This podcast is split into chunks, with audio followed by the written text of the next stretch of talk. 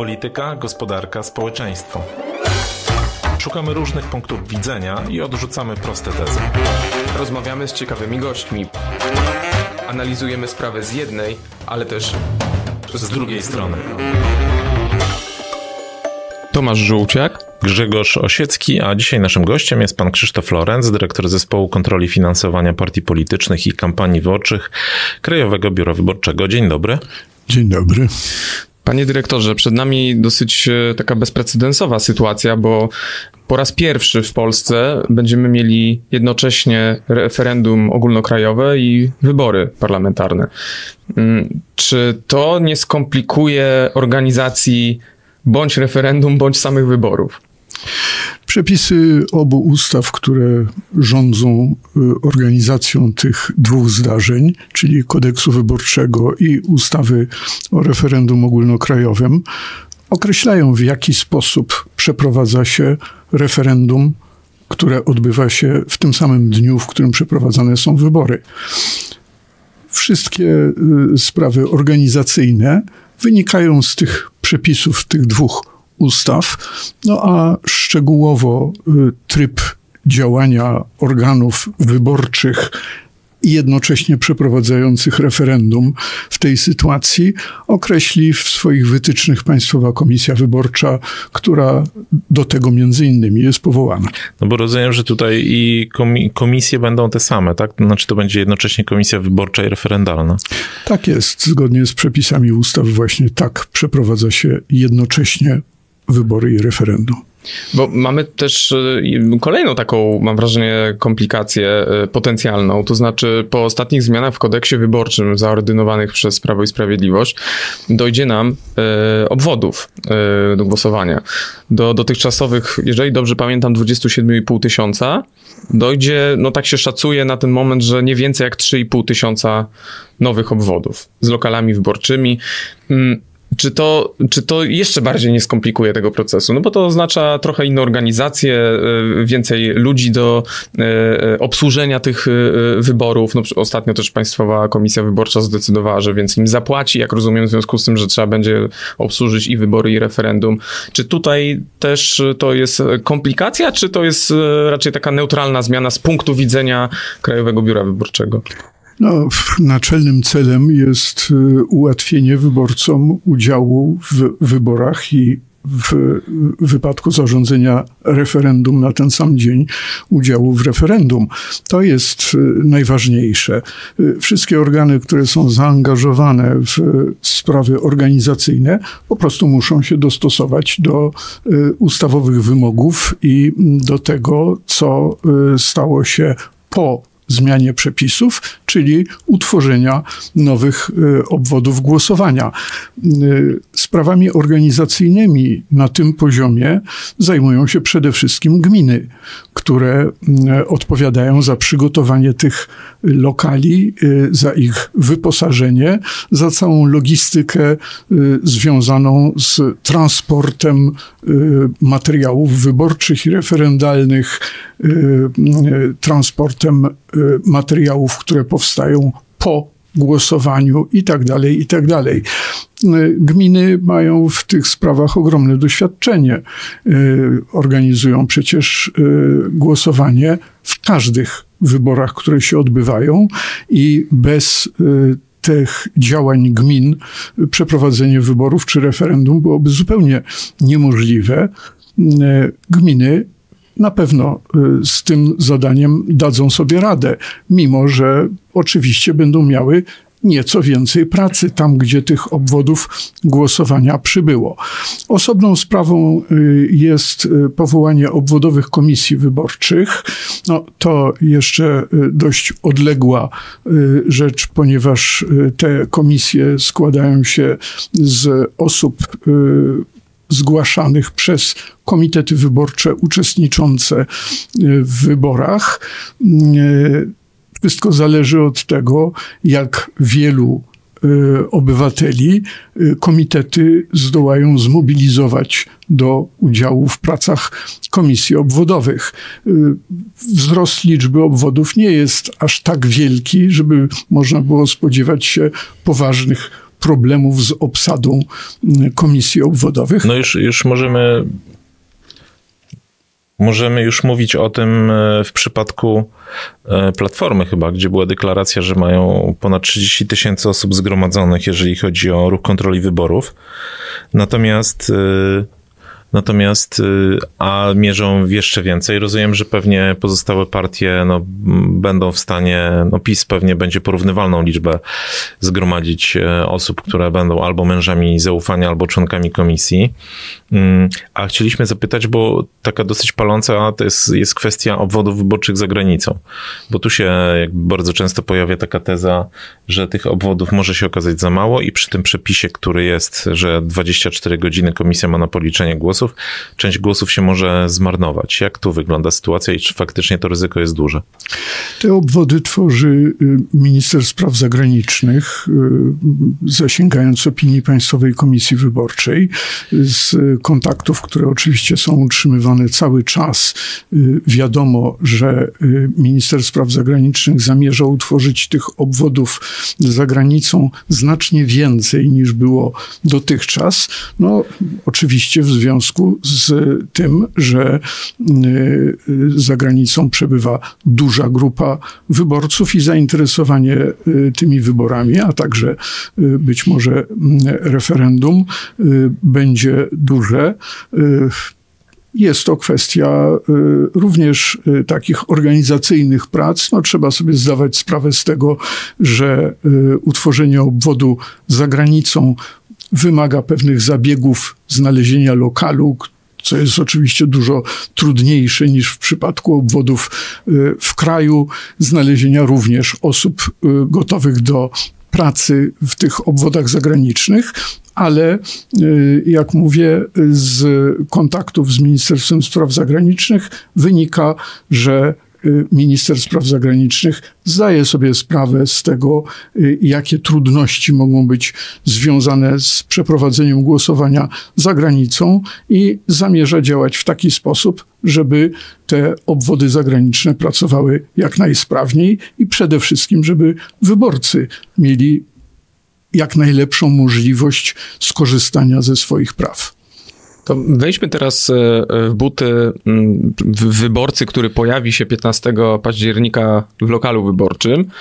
No, zwłaszcza takiego wyborcy, który e, na pewno będzie chciał zagłosować w wyborach do Sejmu i do Senatu ale nie będzie chciał zagłosować w referendum, bo na przykład zasugeruje się tym, co e, sugeruje opozycja, e, która namawia do bojkotu e, tego mm, plebiscytu.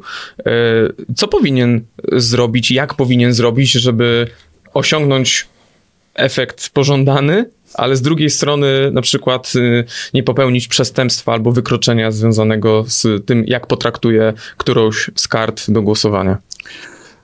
Podstawowym mechanizmem y, jest to samo, co mamy w każdych wyborach, gdzie wybierany jest więcej niż jeden organ. Tak jest w przypadku wyborów do Sejmu i do Senatu, tak jest w wyborach samorządowych. Jeśli wyborca ma otrzymać więcej niż jedną kartę do głosowania, mogą to być karty w wyborach różnych organów, mogą to być karty w, służące do głosowania w referendum, to zawsze wyborca ma prawo wyboru, czy odbiera wszystkie karty do głosowania, które mu przysługują, czy części kart nie chce wziąć, ponieważ nie zamierza brać udziału w danym głosowaniu. A to rozumiem, że tutaj jak wyborca wejdzie, to dostanie, no, tak wczujmy się w dzień wyborów, wchodzi wyborca i rozumiem, że dostaje tutaj trzy karty, tak? Tak, w wyborach i jeśli zostanie zarządzone referendum na ten sam dzień, yy, każdemu wyborcy przysługuje możliwość otrzymania trzech kart do głosowania: karty w wyborach do Sejmu, karty w wyborach do Senatu i karty do głosowania w referendum. I w chwili, kiedy wyborca okazuje dokument potwierdzający tożsamość, ma właściwy moment na to, żeby oświadczyć, które karty chce otrzymać. Jeśli nie chce otrzymać którejś z kart wyborczych czy karty służącej do głosowania w referendum, to jej nie otrzyma. Zostanie to odnotowane w spisie wyborców, bo komisja oczywiście musi rozliczyć się ściśle z kart, które otrzymała i w odpowiednich protokołach zaznaczyć, ile otrzymała kart do głosowania, ile ich wydano wyborcom. To musi z kolei zgadzać się z liczbą podpisów, które są złożone w spisach i potwierdzają odbiór kart. W spisie w związku z tym odnotowuje się, że wyborca karty takiej a takiej nie przyjął i w związku z tym otrzymał tylko część kart. Y, a to, to zastanawia nas, no bo ta sytuacja robi się taka bardzo jednoznaczna, tak? Jak wspomniał Tomek, część partii opozycyjnych już w tej chwili mówi o bojkocie. No, nie, nie wiemy, jakie ostatecznie poszczególne partie zajmą stanowiska, ale chodzi o to, że no jeżeli będziemy mieli taką sytuację, że z jednej strony mamy zarządzone referendum, no, które jest tak jednoznacznie jakby zarządzone, y, które jednoznacznie jest rodzajem plebiscytu zarządem, no bo to, że większość rządowa ustala te pytania i ona mm, przeforsowuje, y, przeforsowała pomysł referendum. Z drugiej strony możemy mieć y, pomysł bojkotu. No to jest taka jest zasadnicze pytanie, czy jeżeli ja pójdę do komisji i na przykład odmówię, przyję, przyjęcia karty referendalnej, to będzie rodzaj deklaracji politycznej. Czy to nie naruszy wtedy no, tajności wyborów? Oczywiście nie. Y, wyborcy mogą zachowywać się w różny sposób. Wiemy doskonale, że nie mamy stuprocentowej frekwencji w wyborach czy w przeprowadzanych referendach w ostatnim przeprowadzonym referendum, jak pamiętamy, frekwencja była znikoma. E, jedną z możliwości e, wyborcy zawsze jest wzięcie bądź niewzięcie udziału w wyborach czy w referendum przez przyjście albo nieprzyjście do lokalu wyborczego. Podobnie jest z prawem wyborcy do tego, żeby otrzymał te karty, z których zamierza skorzystać. Jest to rzecz normalna, wynikająca wprost z przepisów ustawy i potwierdzana też wytycznymi Państwowej Komisji Wyborczej, która dokładnie w swoich wytycznych dla komisji obwodowych mówi zawsze o tym, że wyborca nie musi przyjąć wszystkich kart do głosowania, które mogą mu być wydane, może oświadczyć, że części z tych kart nie chce. Oczywiście y, musi to być zrobione w normalny, uprzejmy i y, spokojny sposób, bez elementów y, jakiegoś publicznego czynienia z tej y, czynności demonstracji. Tu można by wtedy mówić o prowadzeniu agitacji czy to wyborczej, czy to referendalnej w lokalu komisji obwodowej, co jest zabronione. Natomiast zwykła deklaracja wyborcy, który mówi, że te karty chce otrzymać, a tych kart nie chce otrzymać, jest no, standardową, urzędową niejako czynnością, wynikającą z przepisów ustaw, z prawa, które e, obowiązuje i mm, każdemu wyborcy takie prawo przysługuje. Także nie ma tutaj y, zagrożenia y, tym, że tego rodzaju deklaracja zostanie uznana za naruszenie prawa. O nie, tym, nie, nie o tym mowy nie ma. prawa, tylko no, poniekąd, tak? Tylko, że z punktu widzenia politycznych jakby implikacji tego wszystkiego, no to i możemy przyjąć, że jeżeli ktoś przychodzi do lokalu wyborczego i bierze karty do Sejmu i do Senatu, a nie bierze karty referendalnej, no to zapewne jest y, zwolennikiem opozycji, a pewnie przeciwnikiem PiS. I to jakby no, no, to są domniemania, o których ja y, nie mogę mówić. Mówimy o przepisach regulujących przeprowadzanie głosowania w wyborach i w referendum i o tym, w jaki sposób y, te przepisy się wykonuje, w jaki sposób y, ze swoich praw wyborcy korzystają.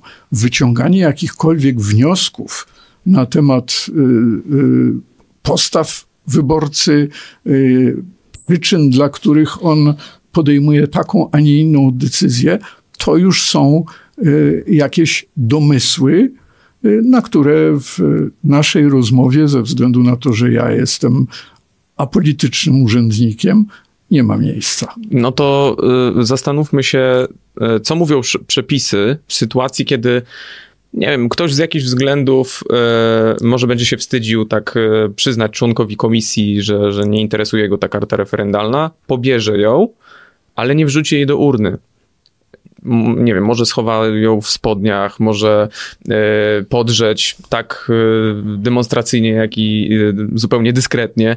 No ale generalnie mówimy o sytuacji, w której karta została pobrana i nie trafiła do urny wyborczej. I, co, co, co oznacza ta sytuacja, zwłaszcza dla wyborcy, który no, zostanie w jakiś sposób przyłapany na tym?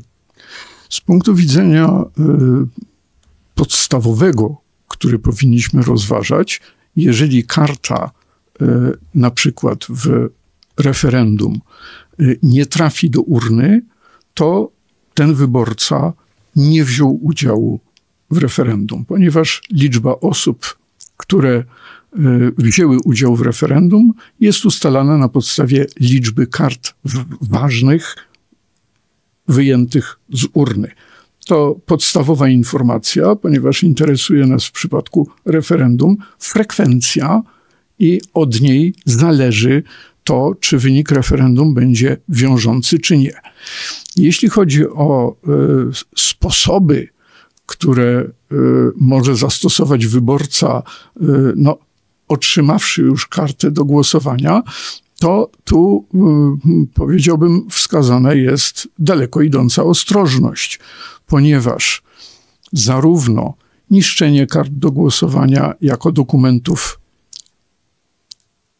związanych z wyborami czy referendum, jak wynoszenie kart poza obręb lokalu wyborczego, mogą być zakwalifikowane jako przestępstwa opisane w ustawach obu y, rządzących tymi y, y, akcjami wyborczą i referendalną, a także w kodeksie karnym.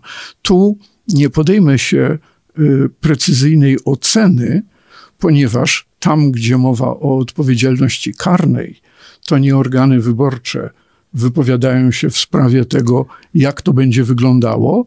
Oceny dokonują organy ścigania i sądy. A to z punktu widzenia e, jednak kwalifikacji, to co jest jakby większym złamaniem prawa e, zniszczenie karty, czy jej schowanie do kieszeni i wyniesienie? No, nie, nie, nie czyńmy tego rodzaju instruktaż kwalifikacji, nie próbujmy tego, tego oceniać. Znaczy, no wie, wie pan, dopytuję, dlatego że widzę, że no, klimat polityczny wokół referendum jest taki. Ono zostało postawione jako de facto ono, głosowanie za czy przeciwko rządowi i yy, pozostałe ugrupowania polityczne szykują różne strategie, więc jakby też istotne jest, żeby podać maksimum informacji wyborcy, z czym dana strategia się wiąże. Na pewno to, o czym mówiliśmy wcześniej, czyli wybór kart do głosowania, które otrzymuje wyborca, to jest e, e, sposób, który nie budzi żadnych wątpliwości co do zgodności postępowania wyborcy z prawem. Inne warianty e, mogą być oceniane różnie i jak mówię, zależy to od stanowiska, które zajęłyby w tej sprawie organy ścigania i sądy. Y, nie chciałbym tutaj wchodzić właśnie w jakieś y, próby stworzenia instruktażu, jak mniej albo więcej naruszyć prawo. A to jeszcze chciałem dopytać o taką rzecz, bo y, jak pan mówił o referendum i o liczeniu frekwencji, to pan powiedział, że no, liczą się te karty, które wpadną do urny, do, do frekwencji i że to są głosy ważne. E, to znaczy, znaczy, że to są karty ważne, tak? tak? Więc jakby, ale rozumiem, że karta ważna oznacza, że to mogą być zarówno głosy ważne, jak i głosy nieważne, tak? Więc... Tak jest. Karta ważna to jest po prostu taka karta, która została wydana przez komisję obwodową, opatrzona pieczęcią, zgodna ze wzorem i nie ma to nic wspólnego z tym, czy głos oddany na tej karcie jest głosem ważnym czy nieważnym. To są zupełnie inne pojęcia.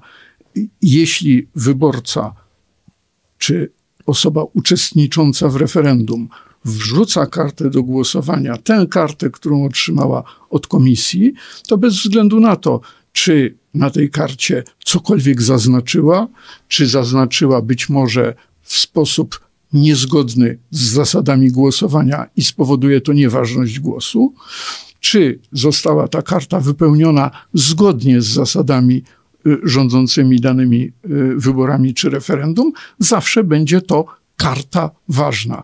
I karty ważne dzielą się na głosy ważne i głosy nieważne.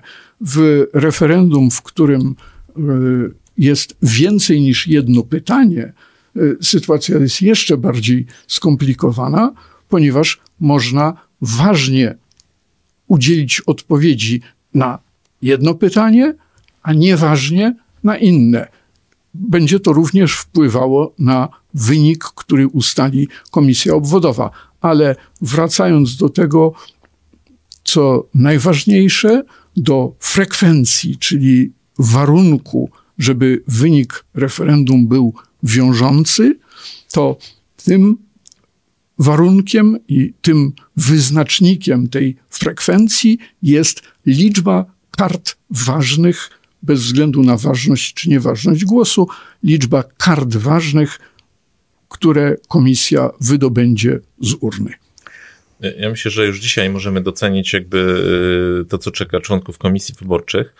E, jeżeli chodzi o liczenie głosów. I chciałem dopytać, jak to liczenie głosów będzie wyglądało, no właśnie w tym takim incydentalnym przypadku, jeżeli jednocześnie będzie i referendum, i wybory, i do tego będzie jedna urna.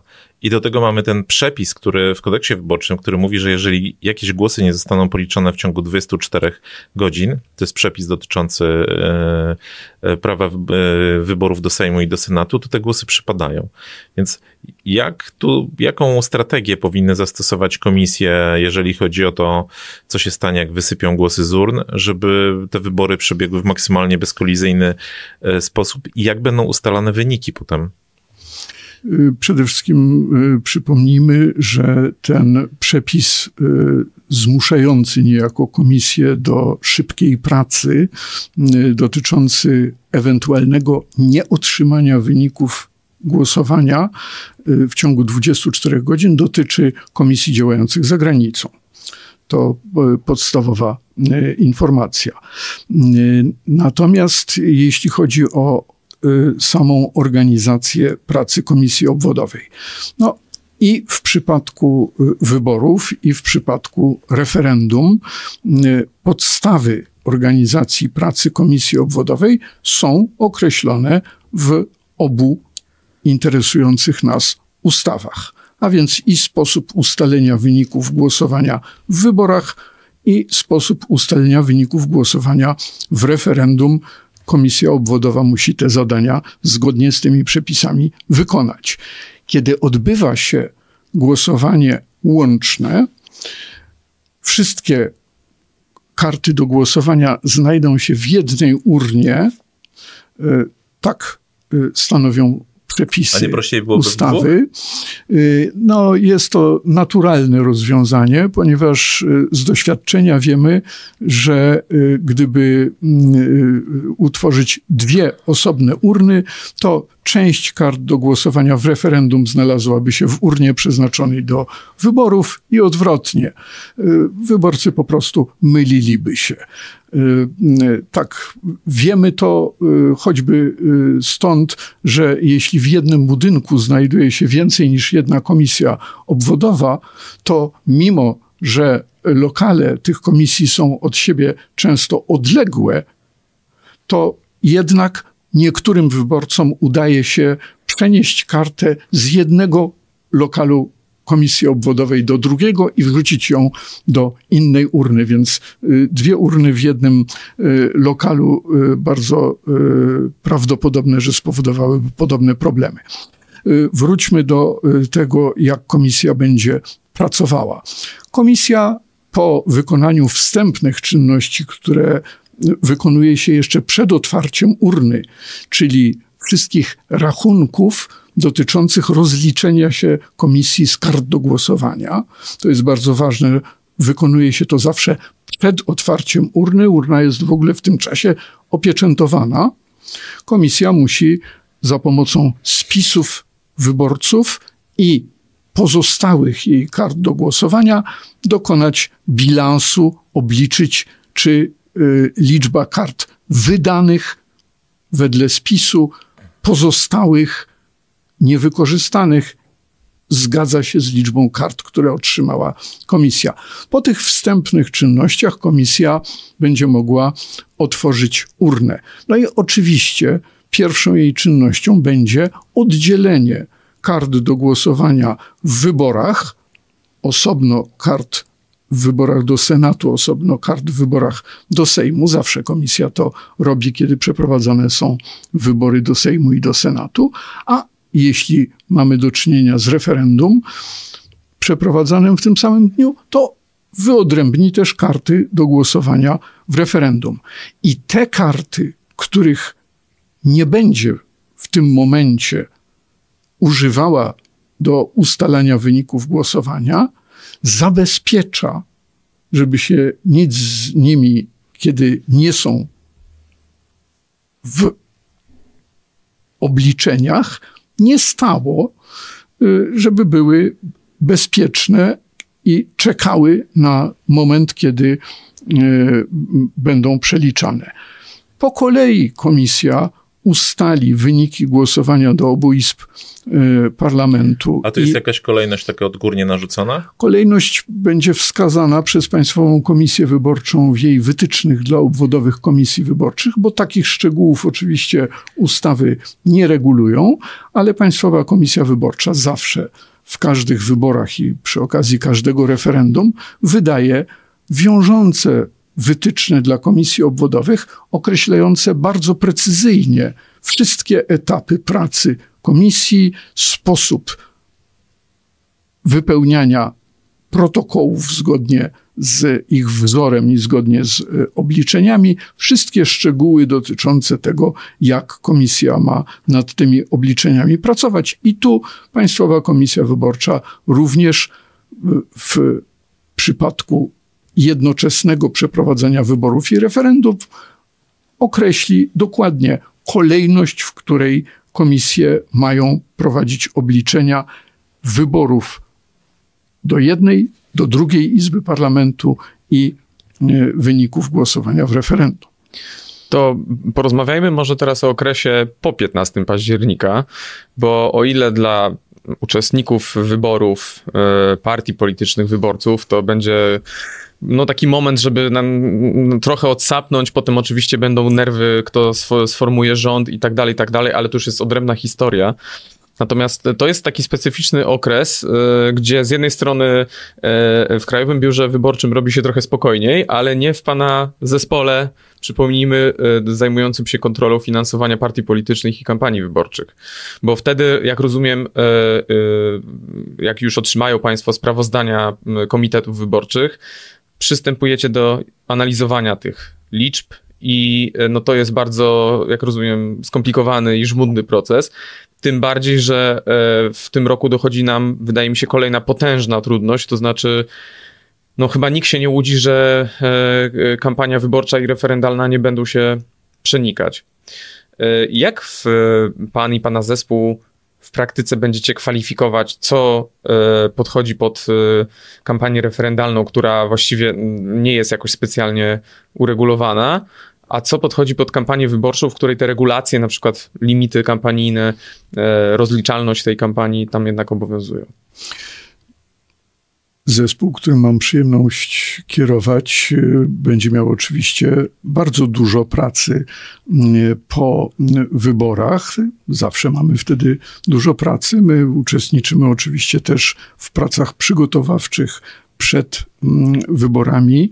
Y, no i cały czas mamy y, do czynienia z mnóstwem pytań y, dotyczących sposobu prowadzenia i finansowania kampanii wyborczej czy kampanii referendalnej, ale Oczywiście nasza praca i przede wszystkim praca Państwowej Komisji Wyborczej, która dokonuje oceny zgodności prowadzenia przez komitety wyborcze kampanii wyborczej, jej finansowania z prawem obowiązującym, jest to mm, praca, którą będziemy musieli e, wykonać i mm, która zakończy się podjęciem przez Państwową Komisję Wyborczą decyzji w sprawie sprawozdań finansowych komitetów wyborczych.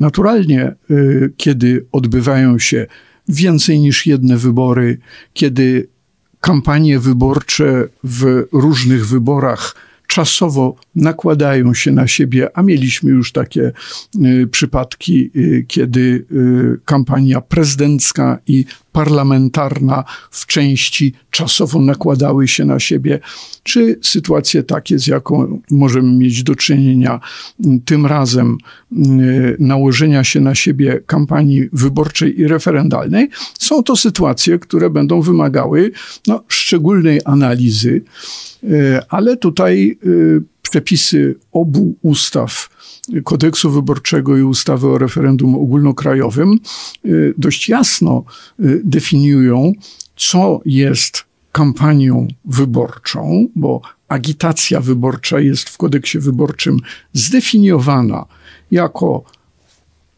nakłanianie, zachęcanie do głosowania w określony sposób mm, bądź na kandydatów określonego komitetu wyborczego. Kampania referendalna, zgodnie z ustawą o referendum ogólnokrajowym, jest to mm, y, y, całość działań y, służących przedstawieniu przez podmioty, które w tej kampanii występują, ich stanowiska w sprawie pytań będących przedmiotem tego referendum. A więc rozdzielenie jednego od drugiego jest możliwe i będzie konieczne.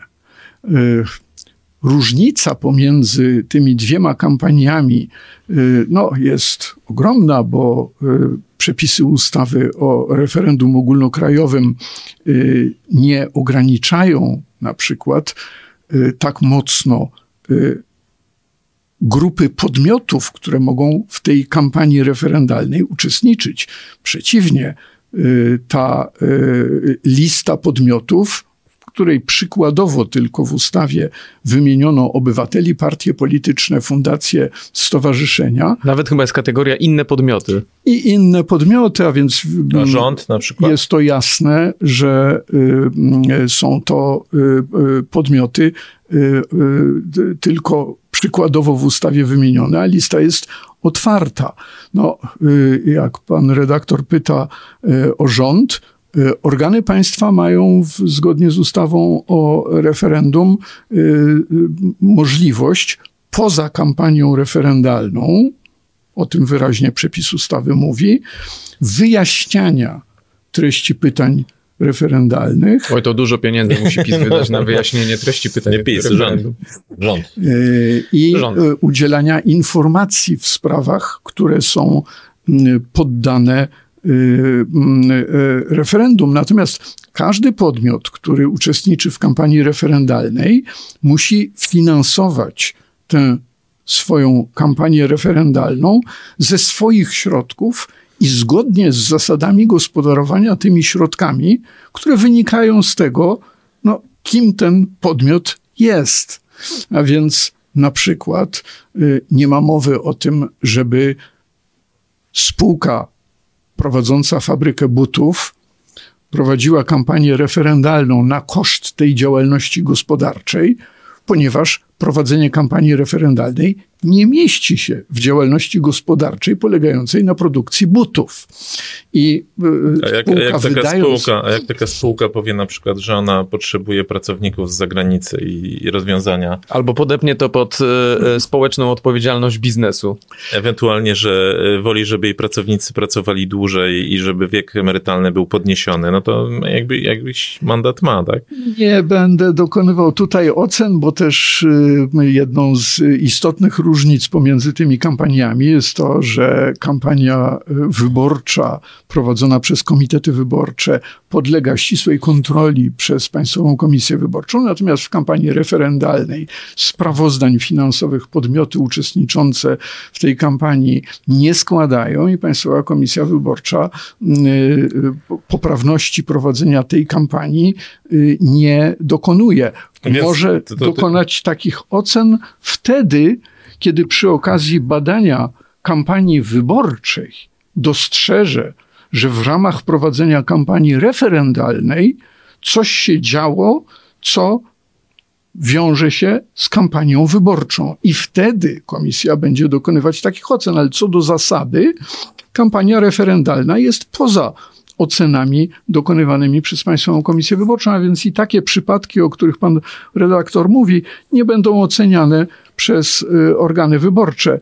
Y, natomiast y, no, radziłbym podmiotom, które zamierzają uczestniczyć w kampanii referendalnej, pamiętać o tym, że ich działalność jest kontrolowana na przykład przez organy skarbowe, czy też przez organy, które są powołane do kontroli, czy gospodarowanie majątkiem tego podmiotu jest zgodne z zasadami jego działania. Ale to był trochę taki żartobliwy przykład, natomiast no, wiadomo, że tutaj zasadnicza, nie, nie wiem, zasadniczy znak zapytania czy wątpliwość dotyczy tego, że Cztery pytania referendalne dotyczą różnych aspektów polityki o, o obecnego obozu rządowego.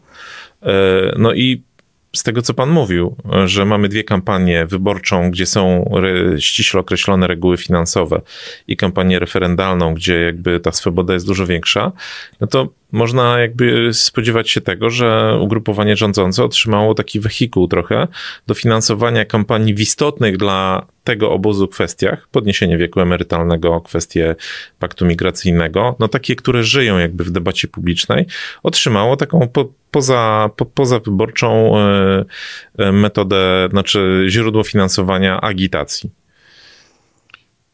Nie oceniałbym tego w ten sposób. E, trzeba pamiętać o tym, że jeżeli, tak jak mówiłem, kampania referendalna wkroczyłaby na terytorium kampanii wyborczej, to wtedy będzie to przedmiotem dokonania ocen przez Państwową Komisję Wyborczą i taka kryptokampania wyborcza prowadzona pod pozorem kampanii referendalnej czy innych działań jakichś podmiotów y, aktywnych w sferze publicznej może stać się y, powodem do negatywnej oceny sprawozdań komitetów wyborczych, a także przy okazji badania na przykład rocznych sprawozdań partii politycznych do negatywnej oceny Y, sprawozdania rocznego partii politycznej. I rozumiem, że w te konsekwencją takiej, takiej negatywnej oceny jest e, e, cofnięcie subwencji, tak? Albo brak zwrotu za kampanię, tak? Z różnych, z różnych konsekwencji. Te finansowe są oczywiście najbardziej y, dla partii politycznych y, i komitetów wyborczych dolegliwe, ale też trzeba pamiętać o tym, że obie ustawy, a także ustawa o partiach politycznych zawierają przepisy karne Y, a więc i organy ścigania mogą być y, zaangażowane w dokonywanie ocen y, działań, które naruszałyby mm, zasady prowadzenia tych dwóch kampanii. Także mm, sytuacja tutaj jest taka, że fokus dla różnych podmiotów może być bardzo wiele, ale też z wcześniejszych ocen dokonywanych przez Państwową Komisję Wyborczą i potwierdzonych również w orzecznictwie Sądu Najwyższego, tego rodzaju działania, które są próbą no, albo wprost naruszenia, albo obejścia prawa, mogą dla partii politycznych, dla komitetów wyborczych y, zakończyć się negatywnymi następstwami i wszelkie mm, y, y, właśnie pokusy, y, żeby jakichś narzędzi które zdecydowanie nie powinny być zastosowane, zastosować, no, mogą zakończyć się dla komitetu wyborczego czy partii źle. To jeszcze przed, przedostatnie pytanie.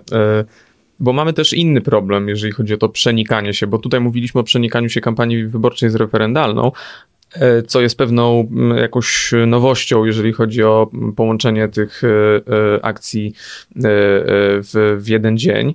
Natomiast no, mamy ten właściwie chciałoby się powiedzieć, odwieczny problem dotyczący rządu i instrumentarium, które może wykorzystywać. Czyli co, co, co jest kampanią wyborczą, a co jest e, e, no, taką zwykłą polityką informacyjną rządu, taką na bieżąco prowadzoną, do której przecież rząd ma, ma prawo. E, no, wydaje, wydaje się, że największe kontrowersje w tym kontekście ostatnio budzą te słynne pikniki Rodzina 800. E, gdzie z jednej, z jednej strony mówi się, że są rządowe, rząd też za bardzo nie chce się przyznać, kto to finansuje, czy to jest kancelaria premiera, czy to jest Ministerstwo Rodziny. Jest wokół tego sporo niedopowiedzeń, e, a mm, konsekwencją tego są kontrowersje. Jak kwalifikować tego typu historie? Konkretnych zdarzeń oczywiście nie mogę oceniać, bo mm, nie podejmujemy takich działań, nie próbujemy y, ferować wyroków czy y, dokonywać y, ocen albo i komentować zdarzeń, które będą dopiero oceniane w ramach badania sprawozdań komitetów wyborczych, czy też rocznych sprawozdań partii politycznych. Y, mogę mówić y, o y, tym, co niejako abstrakcyjnie, nie odnosząc się do konkretnych zdarzeń, Państwowa Komisja Wyborcza powtarza już od 20 lat. Mianowicie mamy wyraźną definicję agitacji wyborczej w kodeksie wyborczym. Już o niej mówiłem agitacja wyborcza to nakłanianie, zachęcanie do głosowania w określony sposób, bądź na kandydatów określonego komitetu wyborczego. Y, I y, tego rodzaju działania y, są wyłączną domeną komitetów wyborczych, które prowadzą kampanię wyborczą zgodnie z przepisami na zasadach wyłączności.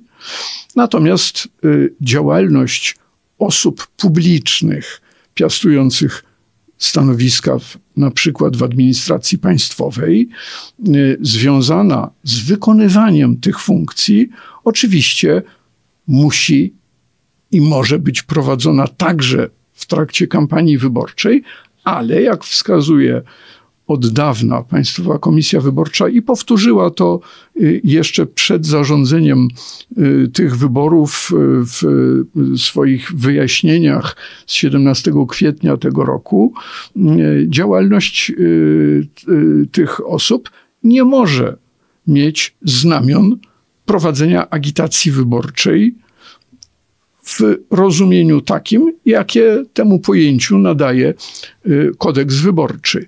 Y, jak y, zostanie dokonana y, ocena ewentualnych działań, które mogłyby budzić tego rodzaju kontrowersje, o jakich pan redaktor mówi, no tego dziś nie możemy powiedzieć, bo takie oceny są dokonywane zawsze dopiero wtedy, kiedy Państwowa Komisja Wyborcza bada sprawozdania komitetów wyborczych.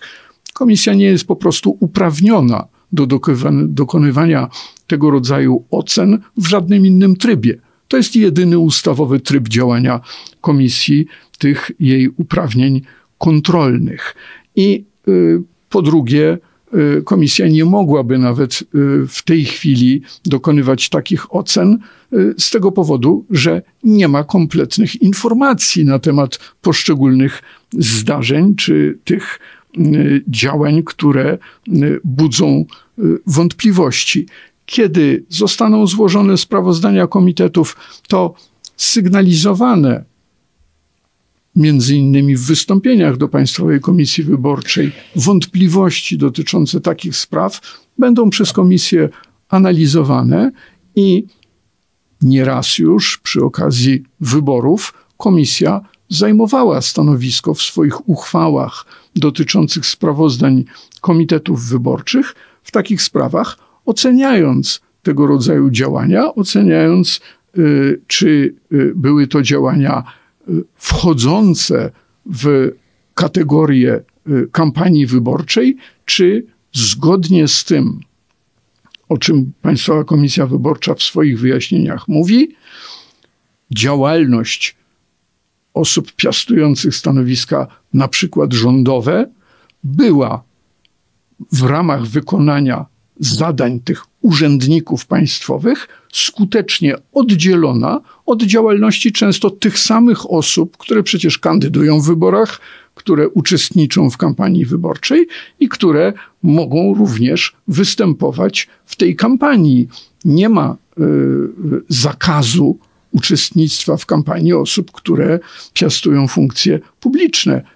Istotne jest to, żeby był precyzyjny rozdział i żeby nie dochodziło do sytuacji, w której stanowisko w, na przykład w administracji rządowej jest wykorzystywane, a więc również finansowo wykorzystywane do prowadzenia kampanii wyborczej. Ale to mówi pan, że to, to się odbywa dopiero jakby post factum. To czy jednak komisja nie powinna mieć tutaj kompetencji do interwencji w trakcie? No bo jakby post factum takie, taka ocena może być też taką jakby no po herbacie, tak? No bo oddziaływanie e, odbywa się teraz. Jeżeli, jeżeli są jakieś patologie, no to to jest, e, mamy do czynienia z tym teraz to zostanie ocenione po kampanii, ale jakby no skutki e, polityczne tego oddziaływania będą w oddanych głosach.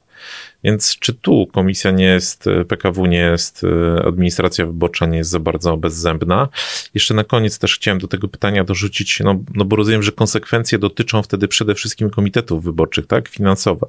No to jaka jest stawka? To znaczy, jakie są limity w tym roku na kampanię, ile partie mogą wydać i ile, ile mogą stracić w takim razie, jeżeli to będzie, jak rozumiem, e, jeżeli komisja wypunktuje błędy?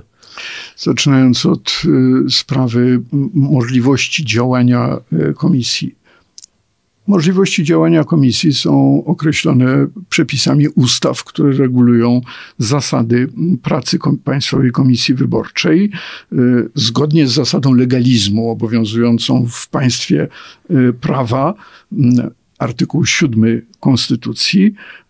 Organy państwa działają wyłącznie na podstawie upoważnienia ustawowego i w granicach tego upoważnienia, a więc Państwowa Komisja Wyborcza może robić to, do mhm. czego upoważnił ją ustawodawca, powierzając jej konkretne zadania. Takich zadań y, związanych z bieżącą kontrolą, czy kampania wyborcza prowadzona jest zgodnie z y, przepisami y, prawa, ustawodawca Państwowej Komisji Wyborczej nie powierzył.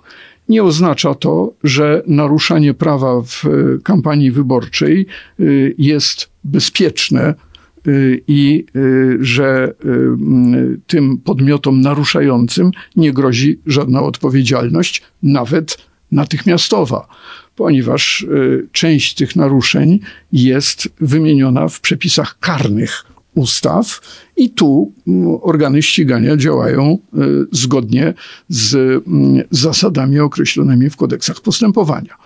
Natomiast e, kwestia tego, czy e, organy wyborcze mogą zostać wyposażone w takie kompetencje i mm, na bieżąco prowadzić kontrolę, no tu mówilibyśmy o kompletnej zmianie całego systemu i y, zadań organów wyborczych. Y, musimy sobie zdawać sprawę z tego, że y, Państwowa Komisja Wyborcza i wszystkie organy wyborcze są powołane przede wszystkim do przeprowadzania wyborów i ustalania ich wyników. Wszystkie inne zadania, które są Y, choćby Państwowej Komisji Wyborczej ustawą powierzone, są niejako pochodnymi tego jej głównego zadania. I już to, że komisja została e, obłożona obowiązkami poza samymi związanymi z przeprowadzaniem wyborów, na przykład prowadzeniem rejestru korzyści, do którego zgłaszają korzyści majątkowe e, urzędnicy, e, prowadzeniem kontroli finansowania partii politycznych, kampanii wyborczych i wieloma innymi zadaniami, które ustawy na Państwową Komisję Wyborczą nakładają, to już powoduje, że komisja podejmuje można to prześledzić, obserwując y, uchwały Państwowej Komisji Wyborczej. Komisja podejmuje więcej uchwał związanych z tymi jej niejako pobocznymi zadaniami, niż związanych z tym jej podstawowym zadaniem. Od dawna, od samego początku y, kształtowania systemu wyborczego, pojawiają się takie postulaty, żeby wzmocnić kontrolną rolę Państwowej Komisji Wyborczej. No, tego rodzaju wzmocnienie, które zmieniłoby kompletnie zasady kontroli. W tej chwili jest to kontrola ex post, kontrola następcza i ograniczona do działania komitetów wyborczych, także partii politycznych, e, których roczne sprawozdania komisja bada. To są e, działania o zupełnie innej skali i zupełnie innym charakterze niż bieżący w czasie rzeczywistym nadzór nad przestrzeganiem prawa, no, co musiałoby się również wiązać z nakładaniem kar na tych, którzy tego prawa nie przestrzegają, co oczywiście wiązałoby się z oskarżeniami pod adresem Państwowej Komisji Wyborczej, że te kary nakłada jakoś uznaniowo, asymetrycznie, że jednych traktuje lepiej, drugich gorzej, bo tak jest zawsze, kiedy mamy do czynienia z nakładaniem kar. Tu wchodzą elementy oceny. I y, to byłby zapalnik, y, na skutek y, działania którego groziłaby nam eksplozja pretensji do Państwowej Komisji Wyborczej i podważenia jej autorytetu, który jest jej przede wszystkim potrzebny do tego, żeby nikt nie kwestionował tego, jak komisja przeprowadziła i jak ustaliła wynik wyborów, bo od tego zależy legitymizacja organów państwa, które wybieramy. To stawiając już kropkę nad i, y, i ta druga część pytania Grzegorza. Y, ile w tym roku komitety będą mogły wydać maksymalnie pieniędzy na kampanię wyborczą? To oczywiście zależy od tego, y, jak y, szeroka będzie działalność komitetu, jak wielu kandydatów y, komitet zdoła w tych wyborach zarejestrować. Limity wydatków obliczane są na podstawie przepisów kodeksu wyborczego i na podstawie danych o zarejestrowanych listach kandydatów do Sejmu i kandydatach na senatorów. Y, te limity będą się wahały od blisko 70 tysięcy złotych dla komitetu, który zarejestruje tylko jednego kandydata na senatora w jednym okręgu wyborczym, to jest minimalny możliwy limit, do blisko 40 milionów złotych dla komitetu, który zarejestrowałby listy kandydatów do Sejmu we wszystkich 41 okręgach i 100 kandydatów na senatorów. No a precyzyjnie te limity zostaną wyliczone dla wszystkich komitetów wyborczych po zakończeniu procedury rejestracji list i kandydatów. Wracając do tego, y, o czym pan redaktor mówił, w sprawach y, y, tego, o co toczy się gra i co można stracić, no stracić można y, trzy czwarte dotacji podmiotowej, która y, przysługuje komitetom, które uczestniczyły w podziale mandatów. I z takimi przypadkami oczywiście mieliśmy do czynienia. Stracić można również prawo do otrzymywania subwencji przez partię polityczną na okres trzech lat nawet, y, takie przypadki również mieliśmy. Jak wygląda to w konkretnych kwotach? W tej chwili trudno powiedzieć, bo nie wiemy oczywiście, jakiej wysokości dotacje podmiotowe i w jakiej wysokości subwencja będzie komu przysługiwała. Także y, gra jest y, o duże pieniądze naturalnie, a warunkiem tego, żeby otrzymywać pieniądze y, z budżetu państwa, no, czyli po prostu pieniądze z naszych podatków, jest to, żeby przestrzegać prawa. Dziękujemy bardzo. Naszym gościem był pan Krzysztof Lorenz, dyrektor zespołu kontroli finansowania partii politycznych i kampanii wyborczych Krajowego Biura Wyborczego. Dziękujemy panu za wytłumaczenie różnych aspektów ordynacji wyborczej i ordynacji referendalnej. Ja dziękuję bardzo. Witamy w części drugiej, e, w której porozmawiamy o tym, co zadziało się w ostatnich dniach w polskiej polityce, ale nie ma wątpliwości, że tych wydarzeń było naprawdę dużo, jest intensywnie. Wakacyjna flauta chyba już minęła. E, wydaje się, Grzegorz, że przez jeden dzień od momentu, kiedy PiS zaczął sączyć e, treść pytań referendalnych, mieliśmy okazję niejako odpocząć od tematu referendum, bo absolutnie środek tygodnia skradł PiSowi Donald Tusk, który E, w, na Radzie Krajowej Platformy e, po pierwsze pokazał e, kandydatów, pokazano listy do, do Sejmu, także ten parytet platformerski dotyczący kandydatów do Senatu. No i ta wisienka na torcie, która nie wszystkim chyba smakuje, czyli sojusz niespodziewany Koalicji Obywatelskiej z Agrounią i Michałem Kołodziejczakiem, który Mam wrażenie, że zrobił e, dobry interes, e, bo mm, będzie jedynką e, tegoż ugrupowania czy, czy, czy tej koalicji w Koninie. Co ty sądzisz o tym sojuszu? Znaczy, bo mam wrażenie, że naprawdę tutaj Donald Tusk no, osiągnął efekt zaskoczenia. No, ewidentnie to jest ruch, który zawsze będziemy zaliczać do tak zwanych kontrowersyjnych bo jak patrzymy na samego Kołodziejczaka, to on kolędował, kolędował i wreszcie się dokolędował, bo przecież on rozmawiał ze wszystkimi ugrupowaniami, rozmawiał z Kołownią, rozmawiał z PSL-em, e, no, jak widać z Platformą e, w najbardziej skuteczny sposób. I yy, Widać, że Tusk realizuje taką strategię no, zbierania jak najszerszego obozu, bo ma byłych e, polityków czy, czy polityczki lewicy. E, wziął sobie teraz taką nogę wiejską. E, pytanie, na ile to będzie skuteczne. Natomiast rozumiem, że mm, tu też mogło być takie jakby taka rachuba, e, która jest w twoim tekście magazynowym też, która wynikała z tego, czy lepiej, żeby Agrounia szła sama z Markiem Materkiem, zdaje się, bo oni byli, no bo tu też musimy przypomnieć, że Marka Materka wystawił do wiatru Michał Kołodziejczak, ale czy Agrounia miałaby iść jakby jako oddzielny podmiot z mm, wizją urwania punktu, czy dwóch punktów procentowych poparcia e, opozycji, e, no czy może nie tyle opozycji, ale w ogóle, tak, z takim wynikiem, czy może lepiej po prostu ją włączyć i te głosy jakoś zagospodarować. E, dlaczego ten ruch może być ryzykowny? No bo nie wiemy, jak on będzie oddziaływał na trzecią drogę.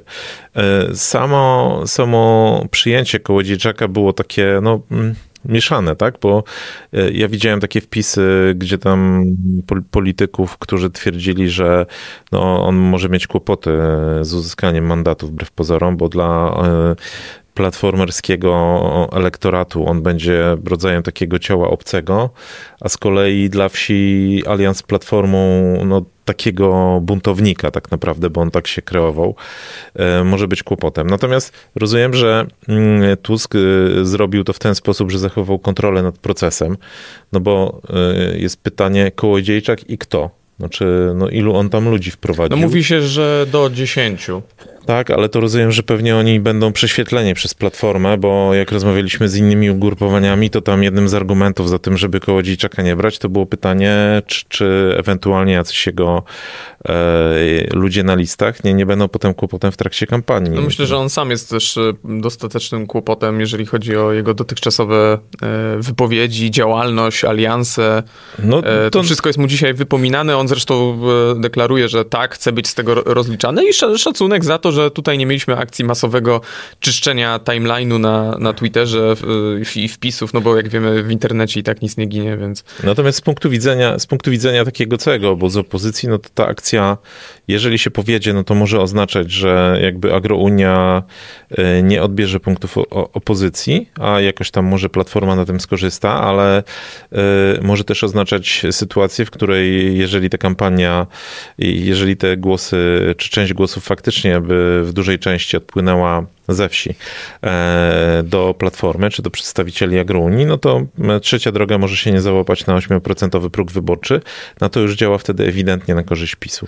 E, ja widziałem nawet takie wpisy na Twitterze, że ktoś tam się bardzo cieszył, że hurra, Kołodziejczak w Platformie to znaczy, że trzecia droga pod progiem, aczkolwiek trzecia droga pod progiem to oznacza, że... Kłopot dla całej opozycji. Tak, bo to mieliśmy wywiad z doktorem Onaszem, który pokazywał, że tego typu scenariusz oznacza zasilenie przede wszystkim PiSu w mandaty, e, pewnie także Konfederacji, a w mniejszym stopniu skorzystanie na tym e, Platformy Obywatelskiej. Trochę podsumowując ten wątek, e, dla mnie takim wyznacznikiem tego, z jak mieszanymi uczuciami po stronie opozycyjnej została przyjęta decyzja Donalda Tuska, no to jest wypowiedź Władysława Kosiniaka-Kamysza, który na gorące komentował, że no, życzy powodzenia, że przecież my nie mamy wrogów po stronie e, opozycji demokratycznej, e, ale właściwie w ciągu tej samej wypowiedzi nie omieszkał wspomnieć, że, e, że to przecież Platforma głosowała za słynną piątką dla zwierząt Kaczyńskiego, co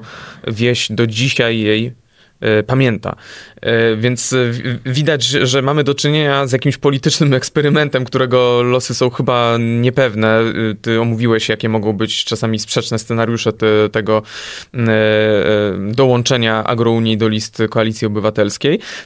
Natomiast chyba istotny jest taki główny message, jaki płynie ze strony Tuska, to znaczy próbowałem stworzyć jedną listę opozycji, nie było zainteresowania, no to stworzyłem własną jedną listę na własnych zasadach, trochę nie oglądając się na pozostałą e, część opozycji.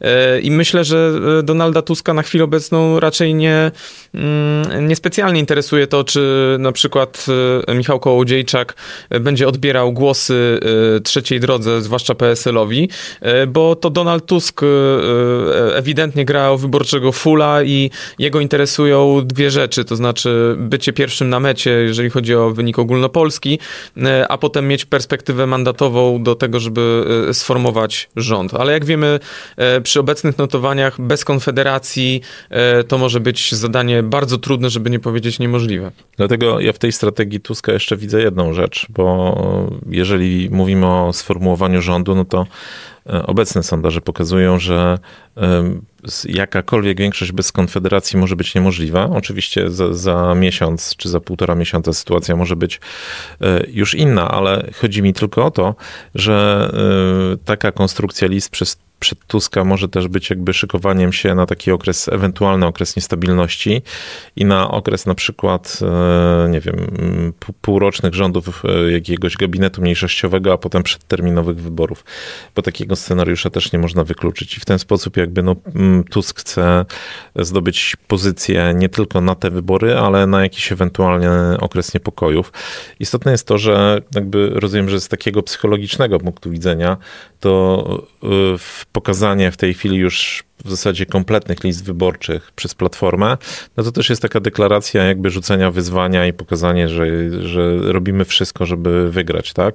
Na drugim biegu nie mamy PiS, gdzie, którego sytuacja jest dużo bardziej skomplikowana, no bo przy obecnych notowaniach tam jest potężna strata mandatowa, więc no, politycy mówią, że lepiej tych list teraz nie pokazywać, żeby tam nie zdemobilizować tych ludzi, którzy uznają, że oni szans na mandat nie mają. Dlatego mówi się, że Jarosław Kaczyński E, zaprezentuje te listy, no właściwie e, za 5.12, bo e, termin mija bodajże 6 września, zgodnie z kalendarzem wyborczym. To oznacza, że no są dwie wersje. Albo pod koniec sierpnia PiS ujawni swoje listy, albo stanie się to na początku września, więc czekamy, czekamy też na pozostałych, bo wiemy na przykład, że ludowcy mają zatwierdzać też swoje listy poprzez zarządy wojewódzkie, więc jest jeszcze Lewica, jest Szymon Hołownia, mamy pakt, senacki już ogłoszony, co też chyba jest takim, tak, taką ważną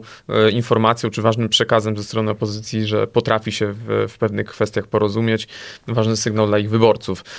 Więc wszystkie te rzeczy jeszcze przed nami, na pewno będziemy mieli okazję do nich wracać i szczegółowo omawiać. Na dzisiaj to tyle.